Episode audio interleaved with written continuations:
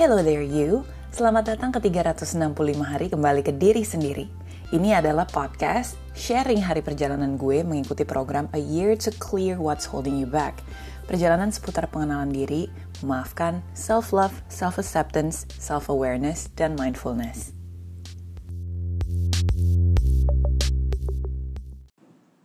Hai guys, welcome back 365 hari kembali ke diri sendiri. Dan hari ini yang akan gue bahas adalah jadi gimana caranya biar bisa happy?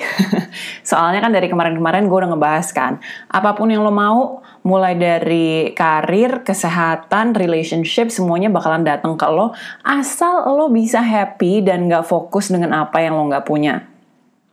Gue jelasin dulu konsepnya happy. Kenapa semua itu bisa datang ke lo pada saat lo happy atau pada saat lo bisa bahagia adalah karena lo pada saat bahagia lo tentunya tidak fokus di hal-hal yang lo nggak punya. Tapi lo fokus dengan hal-hal yang bisa bikin lo ngerasa cukup, yang bisa bikin lo merasa bersyukur, dan hal-hal itu akhirnya yang akan ditambahkan lagi ke lo, karena lo fokus dengan perasaan yang demikian. Tapi kadang-kadang yang susah adalah pada saat kanan kiri kita misalnya situasinya lagi nggak enak, lagi nggak punya duit, lagi sakit, terus disuruh happy.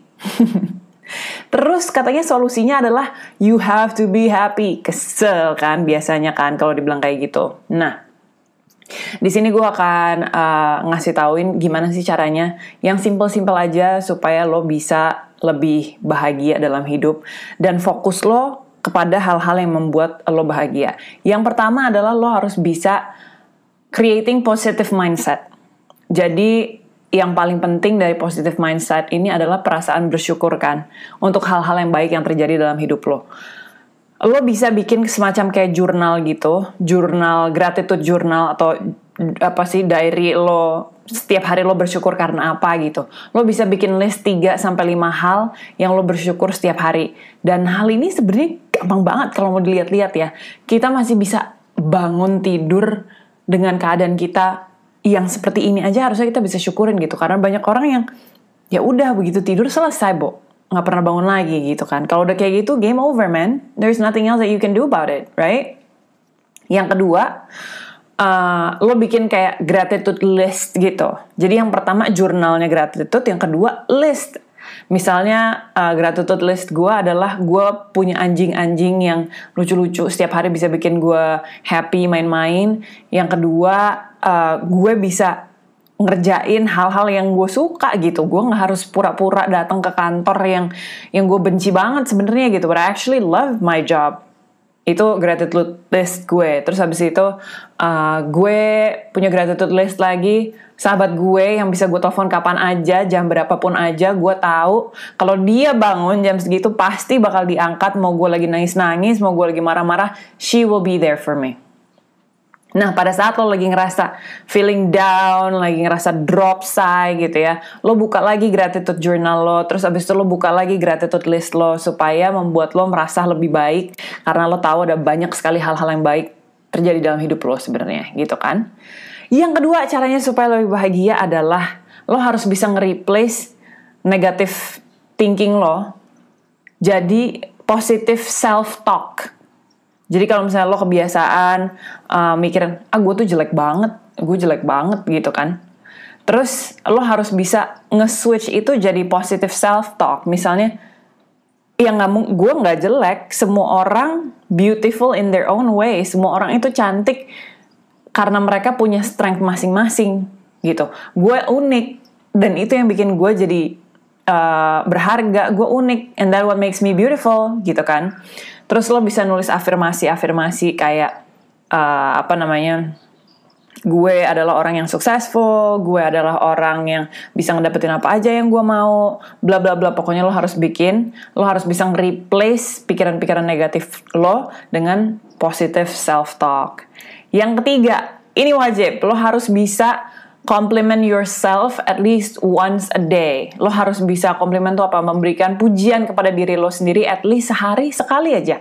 Lo ngeliat diri lo di kaca, lo lihat diri lo di cermin, hal-hal apa pun yang lo lihat di cermin itu itu adalah lo gitu kan that is you dan lo harus bisa ngomong ke cermin itu ke reflection diri lo sendiri bilang apa aja yang menurut lo wow lo Cheryl lo cantik banget hari ini gitu. Wow Cheryl lo adalah orang yang sangat pinter banget ya. Wow Cheryl you're amazing. Misalnya kayak gitu. Dan lo harus mungkin awal-awalnya rasanya kayak awkward banget gitu kan aneh. Tapi lama-lama lo akan lebih bisa ngerasain itu bener-bener hidup di dalam diri lo gitu. Kayak perasaan-perasaan dan lo bersyukur akan diri lo dan lo memberikan pujian-pujian kepada diri lo sendiri. Yang keempat jangan ngebandingin diri lo dengan orang lain. Ini penting banget. Oh dia lebih cantik. Oh dia duitnya lebih banyak. Oh dia lebih sering jalan-jalan. Oh dadadada karena setiap kali lo comparing pastinya akan mencuri kebahagiaan yang ada di dalam hati lo. Gitu. Terus lo harus bisa melihat sisi positif dari apa pun, termasuk pada saat hal yang terjadi dalam hidup lo itu rasa-rasanya kayak tragedi. Ya kayak gue aja kemarin deh waktu dibilang, oh kemungkinan terbesar lo punya lupus gitu. Bahkan gak dibilang kemungkinan terbesar sih, ditulis udah di situ kayak, oh lo punya lupus gitu. Akhirnya yang gue lihat di sini adalah, oh gue dengan ini menjadi orang yang unik dong Iya kan?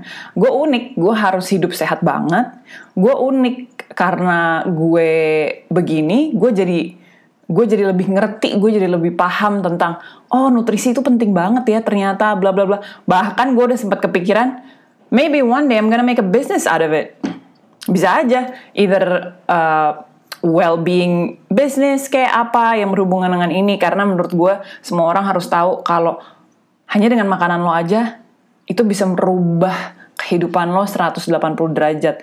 Dan buat gue, justru karena hal ini gue jadi beda sama orang lain, that what makes me unique and that what makes me beautiful actually. And I'm proud of myself.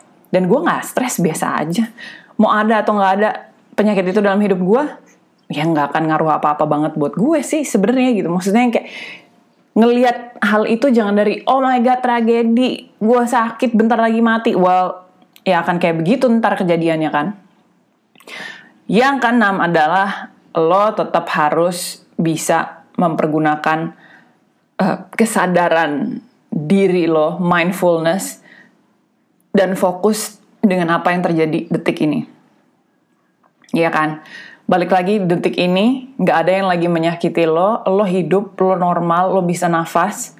Apa pun keadaannya di detik ini, semua pasti ada solusinya apa pun yang bikin lo nggak enak di detik ini, pasti ada jawabannya. Apa pun yang terjadi di detik ini dan lo tidak suka, bisa lo switch. Lo harus selalu punya mindset seperti itu yang membuat lo jadi nggak ngerasa terperangkap gitu. Setiap kali lo ngerasa lo terperangkap kayak, oh my god, there's nothing else I can do, everything sucks, dan gak ada jalan keluar buat gue, itu yang bikin banyak orang juga jadinya suicidal, banyak orang akhirnya bunuh diri gitu kan. Semua ada solusinya tenang aja. All you need to do is relax first. Relax. Gue perlu dua minggu lebih baru akhirnya gue bisa ngeriset makanan-makanan yang bagus buat gue setelah gue dikasih tahuan gue punya alergi ada 20-an kali. Dan gue gak bisa makan ini, gue gak bisa makan itu, ini, itu, minum ini, gak boleh minum itu, blah, blah, blah. banyak banget kalau dipikir-pikir. Dan di dua minggu pertama gue kayak, I don't even wanna read that. Karena semakin gue baca, semakin gue pusing, semakin gue stres.